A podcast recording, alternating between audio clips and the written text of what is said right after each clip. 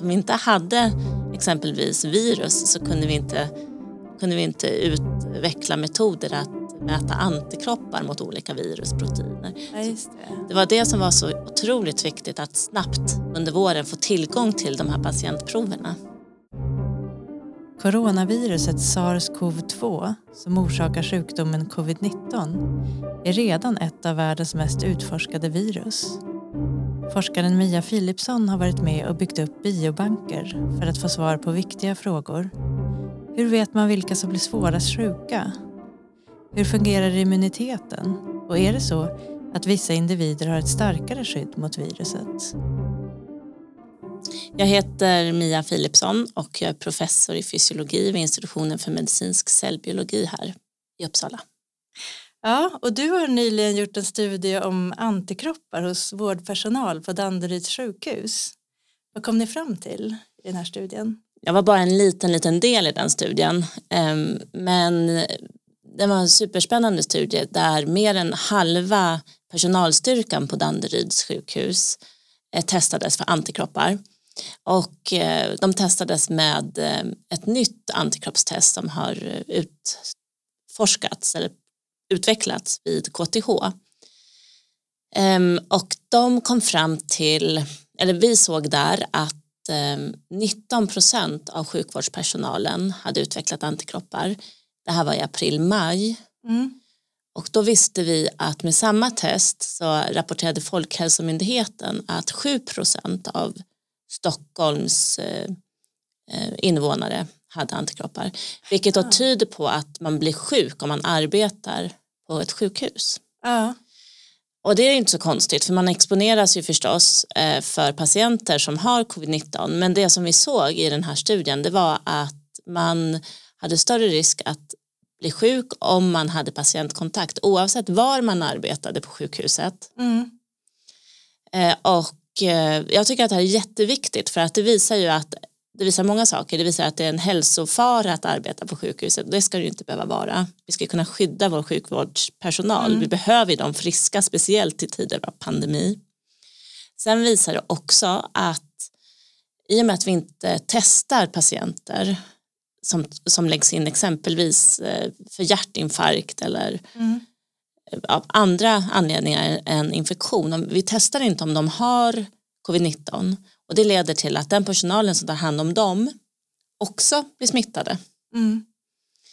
Eh, och vi kunde också se vilka personalkategorier som hade störst risk att bli smittade och det var framförallt undersköterskor och de har kanske mest patientkontakt så det kanske inte heller är så konstigt. Um, ja, så kort så tyder det här på att vi misslyckades under våren att skydda vår hälso och sjukvårdspersonal. Mm. Att de här personerna sen åkte hem och kunde smitta sin familj och därmed liksom dra igång dra smittan vidare i samhället.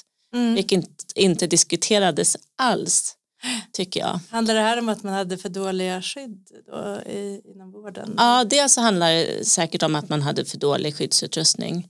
Men också att vi inte testade patienterna om de var smittade eller inte och det gör man fortfarande inte vad jag vet. Mm. Så det här är någonting som man verkligen skulle kunna ta till sig då inom vården? Ja, det tycker jag och jag tycker mm. att det är någonting som vi ska tänka på vid senare tillfällen. Mm. Det är på något sätt steg ett att hålla sjukvårdspersonalen frisk. Och sen, sen blir jag upprörd av en annan anledning också när ja. jag tänker på det här. Ja. När jag tänker på alla 70-plussare som har varit så duktiga med att isolera sig. Mm.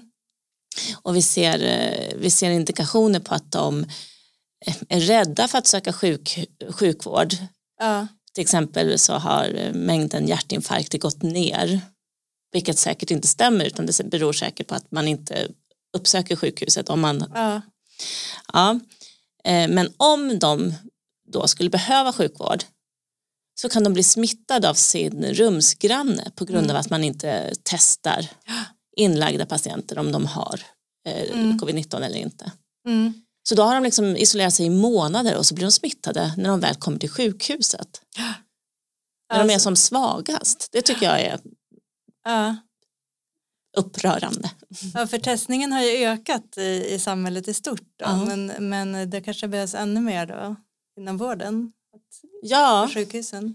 Jag, jag förstår faktiskt inte varför inte det sker. Mm. Och kommer ni fortsätta att följa upp den här studien? Mm. Så vi har precis avslutat andra omgången. Mm.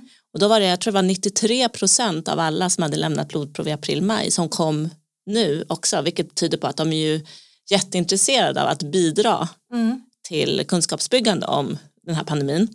Och så kommer de igen då eh, kontaktas för att eh, lämna blodprov i januari Mm. och sen var fjärde månad tills det att eh, ja, Och är det för att se då att eh, om de har kvar sina antikroppar? Ja, dels så kan vi se hur länge en antikropps, eh, hur, hur länge antikropparna finns kvar Ja. och hur länge eh, minnescellerna för de här antikropparna finns kvar. Mm. Sen kan man också studera T-cellsimmunitet och långtidskonsekvenser av den här covid-19 sjukdomen. Ehm, Mm. Det finns massvis med olika aspekter man kan studera i den här gruppen och de har också rapporterat sina symptom via en app Ja. Eh, och eh, i den första studien som nu är publicerad så visar det sig att sjukdomen korrelerade väldigt mycket med lukt och smakbortfall, Ja. feber och allmän sjukdomskänsla medan ont i halsen till exempel inte alls hade en stark association till covid-19. Nähä.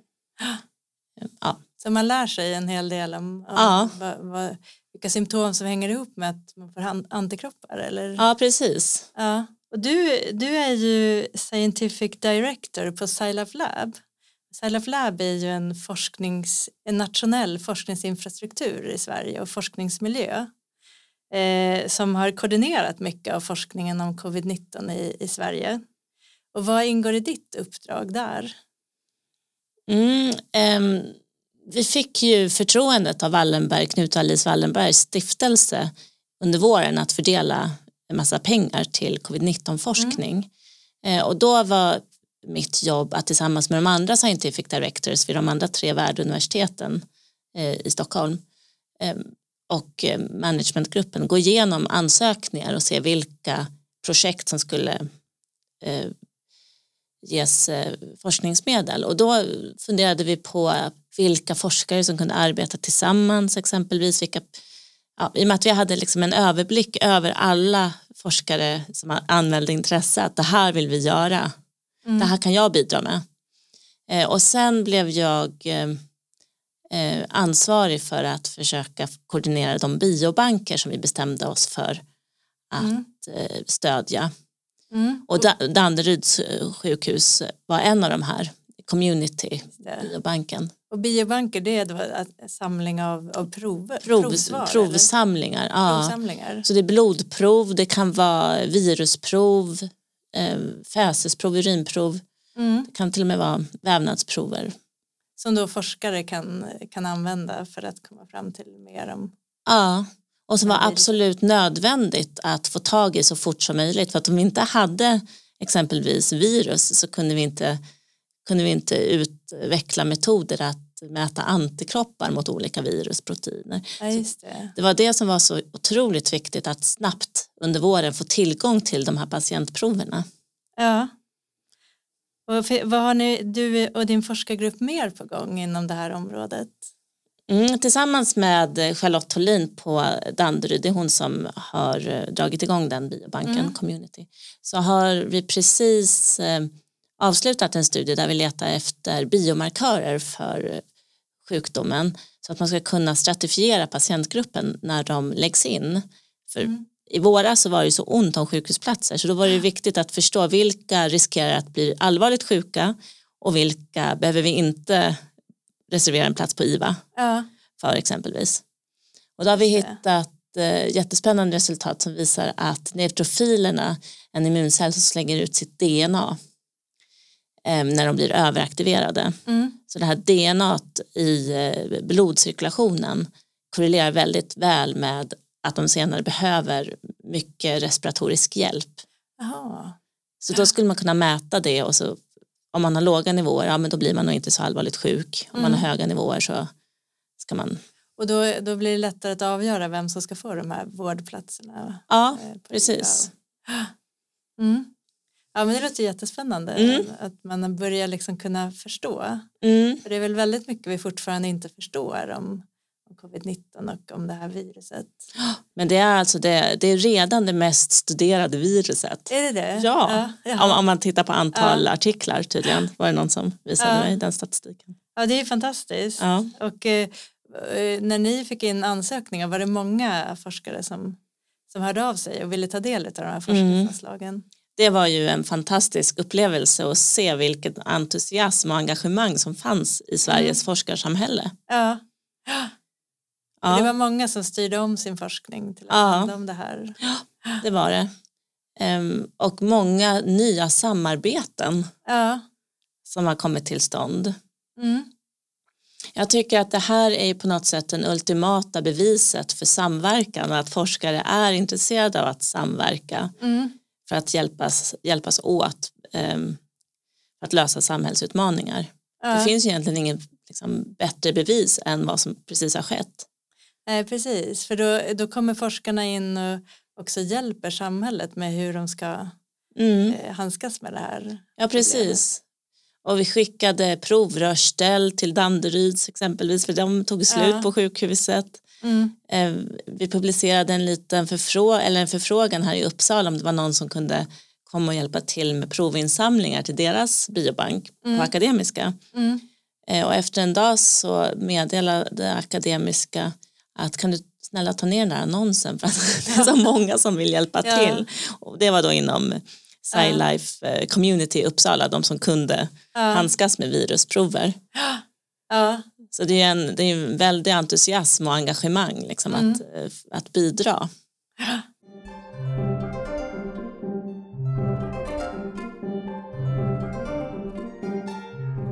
Och vad är det som, som vi behöver mer kunskap om nu när det gäller det här viruset? Det är ju mycket. Mm. Um, någonting som är väldigt spännande tycker jag, som vi inte pratar så mycket om eh, när det gäller immunitet, det är ju em, att det verkar som att det i många familjer som har haft covid-19 finns någon individ som inte har blivit smittad. Mm. Och då är man ju inte immun om man inte har antikroppar, för man har ju inte ens varit sjuk. Så det verkar som att det kanske finns en ny, eller en tidigare barriär som, som förhindrar viruset att faktiskt infektera. Mm. Om det kan vara så att den inte kan binda sin receptor och ta sig Ja. in i värdcellen eller om man har ett eh, starkare eh, medfött immunförsvar Mm. eh, neutrofiler och eh, monocyter och makrofager som är de som, som snabbast detekterar viruset. Ja. De kanske är mer effektiva att förinta viruset innan det ens hinner infektera oss. Mm. Det är någonting man inte riktigt vet än Nej, det låter som är spännande. Ja. Och sen tycker jag också alltså de här långtidseffekterna som börjar rapporteras är väldigt ehm, spännande. Låter ju lite ju hemskt. Ja, de som går med sjukdomen länge. Ja, och också att man får, det verkar som att vissa får eh, effekter på hjärtmuskulaturen eller på ja, eh, CNS-effekter. Det, blir, det är viktigt att man, att man också följer upp eh, de här patienterna i långtidsstudier. Mm.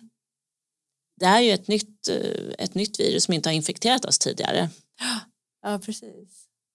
Men någonting som jag, ja, en annan sak som jag tycker är superspännande med en sån här pandemi det är ju hur samhället har reagerat och vad vi kan lära oss inför nästa Mm. Hot, vad det nu än kan vara. Ja. Eh, vilka trösklar fanns det Mm. till exempel? Var kan vi bli bättre? Ja. Det var ju jättemycket prat i början om att vi hade för lite skyddsutrustning och för lite såna PCR-kit, för lite bomullstops Mm. för provtagning och så vidare. Eh, Men också andra strukturer i samhället. Mm. Vad, vad menar du då för strukturer? Då? Ja, men, jag pratade med, med någon som berättade att vi i Sverige inte kan stänga av speciella områden exempelvis som man har Nej. gjort i andra länder. Att det inte är juridiskt möjligt Mm. hos oss. Och det vet inte jag heller om det hade varit eh, det bästa. Mm. Men sen tycker jag att sjukvårdsregionerna, sättet som vi har delat upp vår sjukvård har kanske Ja. inte främjat eh, liksom en enhetlig Nej, precis. approach eller att man hjälper varandra i olika regioner. Mm. Jag vet att det var problem att skicka prover exempelvis för diagnostisering till Stockholm. Vi hade, vi hade personer och material Mm. och apparater som stod och väntade och de fick inte proverna Jaha. eh, till sig. Ja. Inom biobanksväsendet så är det ju eh, en stor, många hinder. Mm. Man är inte tillräckligt snabb då eller det är svårt att agera fort. eh. Ja precis, det är strukturella problem som gör att vi inte kan. Ja. Eh, och så är det ju förstås när man hamnar i en ny situation. Mm. Det är inte konstigt, men det vore ju det vore kul att liksom dra lärdom av dem. Mm. Men eh, nu är det ju många som går och väntar på att vaccinet ska komma och Mm. att, att det ska komma ett vaccin mot det här. Eh, men kommer det att lösa situationen tror du utifrån ditt forskningsområde? Mm. Det beror ju på om det är ett bra vaccin. Ehm, förstås, det är ju förutsättningen. Mm. Men sen är det ju också så att de, ehm, den svagaste populationen eller den som är, blir sjukast i covid-19, eh, den äldre och multisjuka befolkningen, Mm. det är också hos dem som det här vaccinet kommer att ha antagligen sämst effekt. Jaha, varför det då? Man, man, med ålder så svarar man sämre på vaccinationer. Jaha. Så att det är ett, eh, eh, men samtidigt så om resten av befolkningen vaccinerar sig och det Mm. fungerar så förhindras ju viruset ändå ta fäste Ja. och nå dem. Så att det skulle förstås lösa situationen. Mm. Ja. Och eh, du forskar ju inte om, om infektioner i vanliga fall eh, utan du forskar om det, det friska immunsystemet, Mm, eller hur? mm, eller vad, immuns, Eller vad immuncellerna gör mellan infektionerna i kroppen. Ja. Ja, och vad är det då? Så att säga? Ja, det är ju eh, någonting som vi håller på att ta reda på mer och mer om. Mm. Em, men jag tycker att det är så spännande för att vi har ju den här bilden av immunsystemets celler som små soldater som dödar bakterier och virus. Mm. Det är ju tydligt att de har en jätteviktig roll i det. Men den, liksom, jag vet inte om det bara är eh, språkbruket som gör att det stannar och har tagit så, stort, eh, så stor plats i vårt medvetande. För de gör ju så väldigt många andra saker. Ja. Och det uppmärksammades faktiskt redan när makrofagerna beskrevs för första gången av William Meshnikov. Han fick Nobelpris 1908. Mm. Han rapporterade att makrofager äter bakterier. Men de äter också upp svansen på grodyngel. Jaha. Så de är med i liksom metamorfosen för, i en grodas utveckling. Jaha. Och jag tror att immunceller är viktiga vid utvecklingen. Mm. Alltså redan under fosterstadiet. Mm. Eh, Min forskargrupp har hittat att de är avgörande för att vi ska kunna bilda blodkärl eh, efter en skada. Ja. Eller ja, i ett område som har syrebrist helt enkelt. Man behöver mer blodkärl. Mm. Eh, Vi håller nu på att studera eh, på vilket sätt det här sker och vilka immunceller som är involverade. Ja. Och vi har indikationer på att de till och med kan byta cellöde, att de kan bli en annan slags cell i den skadade vävnaden, att de liksom tar över Jaha. andra cellers, inte bara funktioner utan också identitet. Jaha. Ehm, sen har vi ju också visat att de är viktiga för att läka sår Mm. och det här eh, tycker jag är avgörande nu i den här eran av immunoterapier när vi lär oss hur vi kan utnyttja immuncellernas Mm. endogena funktioner för att eh, bota sjukdomar. Precis som man gör i cancerterapier när Ja. man eh, tar bort eh, bromsen så att de dödar tumörceller mycket mer effektivt. Mm. Det är någonting de kan göra i vanliga fall men vi kan få dem att göra det ännu bättre. Och en doktorand i mitt labb har visat att eh, vi på samma sätt kan få immunceller att läka sår mycket bättre. De gör det i vanliga fall men med en speciell behandling så gör de det ännu bättre. Ja. Och då använder man en, en form av eh, bakterier? Ja. Det, det, är, det blev det vi, ham, vi hamnade där för att vi behövde liksom tillsätta de här signalmolekylerna lokalt i såret under en längre tid. Mm. Och såret är, sårvätskan är experter på att bryta ner allting som hamnar i såret ska brytas ner så att det inte liksom tar sig in i kroppen. Ja. Det, är ett, det är ett försvar som vi har. utvecklat. Så därför behövde vi ha som små lokala fabriker som producerade den här signalmolekylen mm. under en längre tid. Mm. Och det var så vi hamnade i att ja, vi kanske ska lägga ner probiotiska bakterier, mm. goda bakterier som vi har genmodifierat och att göra det här proteinet. Just det, så det är, det är mjölksyrebakterier? Det är mjölksyrebakterier. Ja. Just det. Och, det, och det håller ni på att testa nu? Ja, det testas nu på Akademiska sjukhuset för första gången. Mm. Eh, och det är faktiskt första gången någonsin i världen som man testar en bakterie mm. för att läka sår. Och vi tänkte också när vi kom på den här idén att det där kommer aldrig regulatoriskt gå igenom och kommer aldrig få tillstånd från Läkemedelsverket. Nej, att, att lägga tillsätta en... bakterier i ett sår. Precis. Ja. Men det, eh. det har ni fått då? Ja, och de tycker att det är jättespännande. Ja. Och det är ju det, det är en, liksom en era nu där det är fler företag än vi som håller på med liknande saker. Mm. Det här har blivit ett företag som nu drivs av min doktorand. Mm. Och ni, ni forskar också om inflammatorisk tarmsjukdom? Ja, det är en annan del av det projektet. Ja. Ehm, det är liksom sår på insidan i mag-tarmkanalen. Mm. Och där har vi inte kommit hela vägen till människa än utan där har vi eh, men vi har väldigt spännande data från prekliniska studier i möss. Ja. Så man börjar med att testa på möss och sen, mm. och sen går man vidare Sen går man till, till, djur, ja, till minigris till exempel och mm. testar och det är framförallt eh, för, att, för att säkerställa att det inte är farligt innan man testar mm. i människa för första gången. Ja, precis.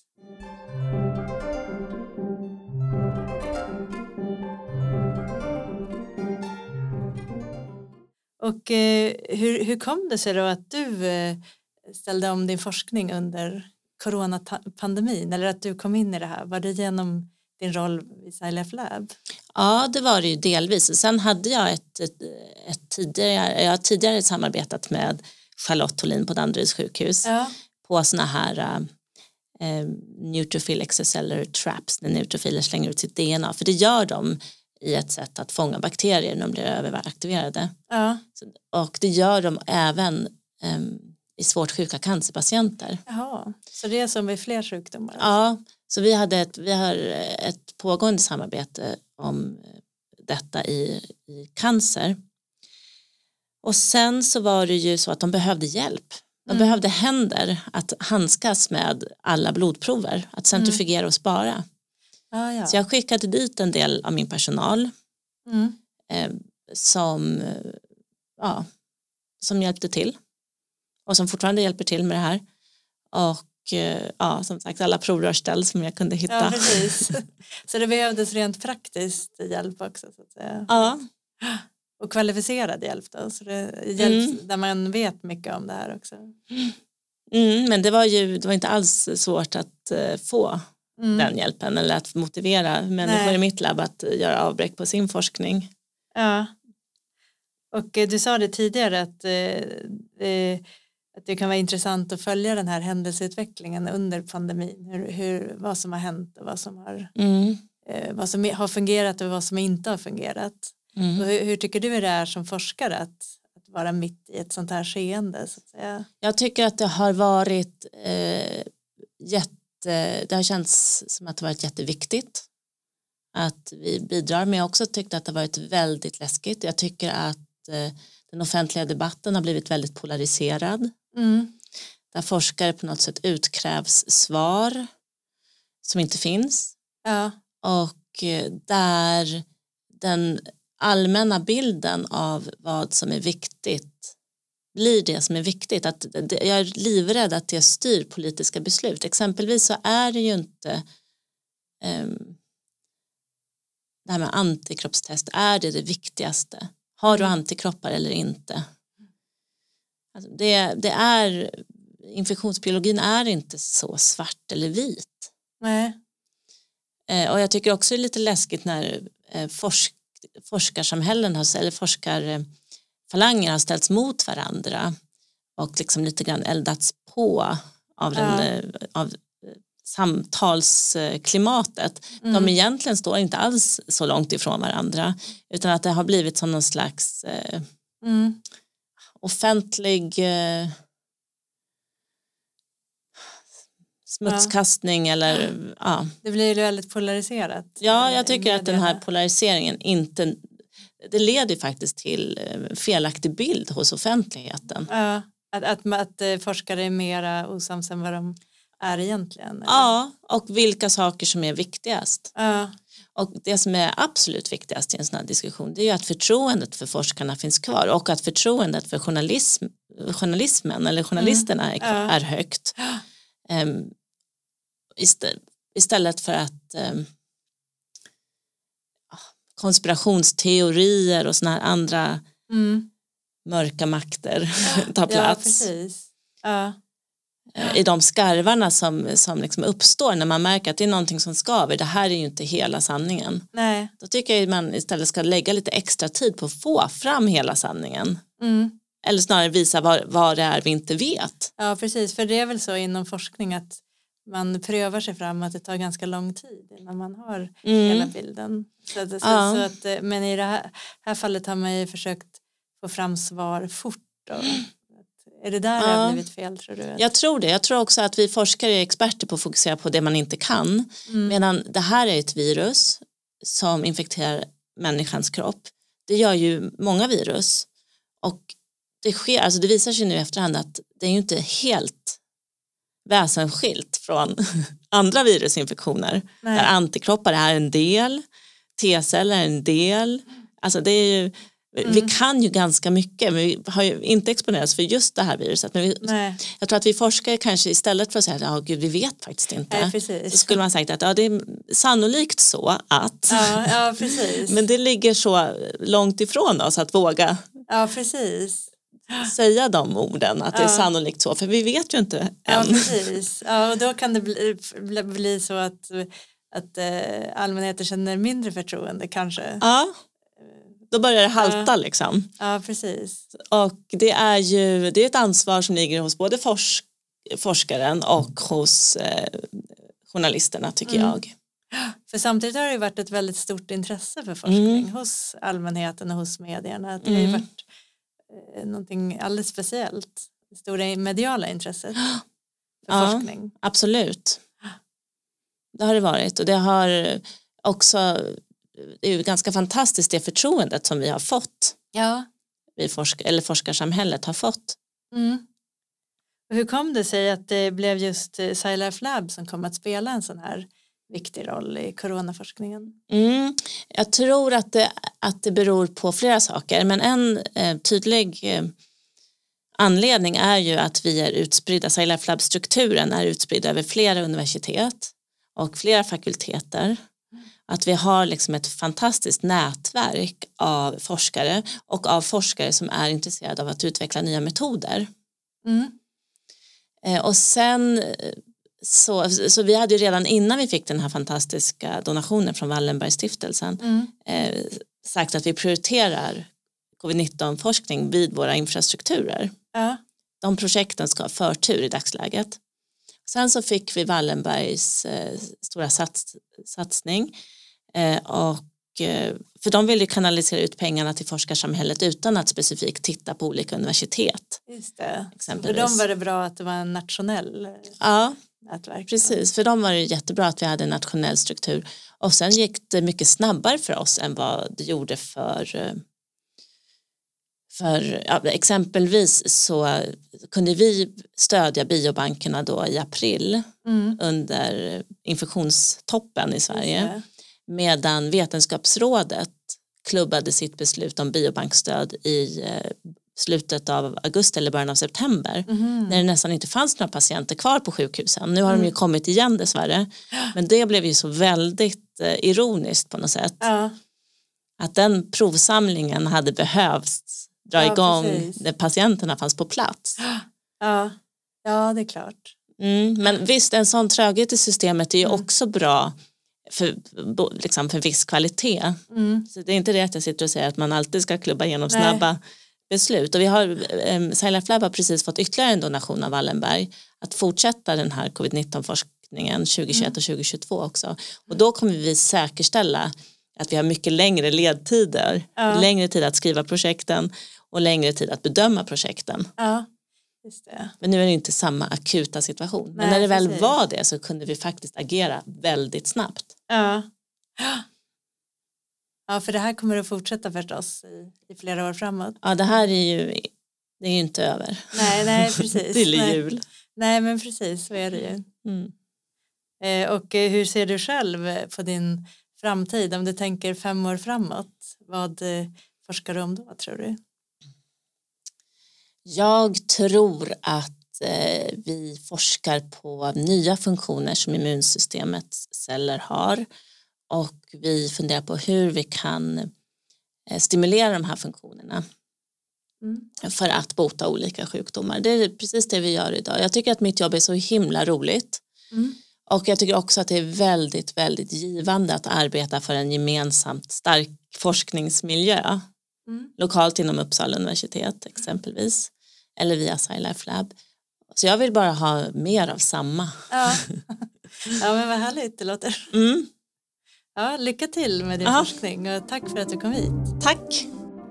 Du har lyssnat på Forskarpodden med forskaren Mia Philipsson. Följ oss på Podbean, iTunes eller andra poddläsare. Kontakta oss gärna i sociala medier på hashtag forskarpodden eller på universitetets webbsida uu.se forskarpodden. Jag heter Annika Hult och Forskarpodden produceras av Uppsala universitet med musik av Marcus Sjöblom.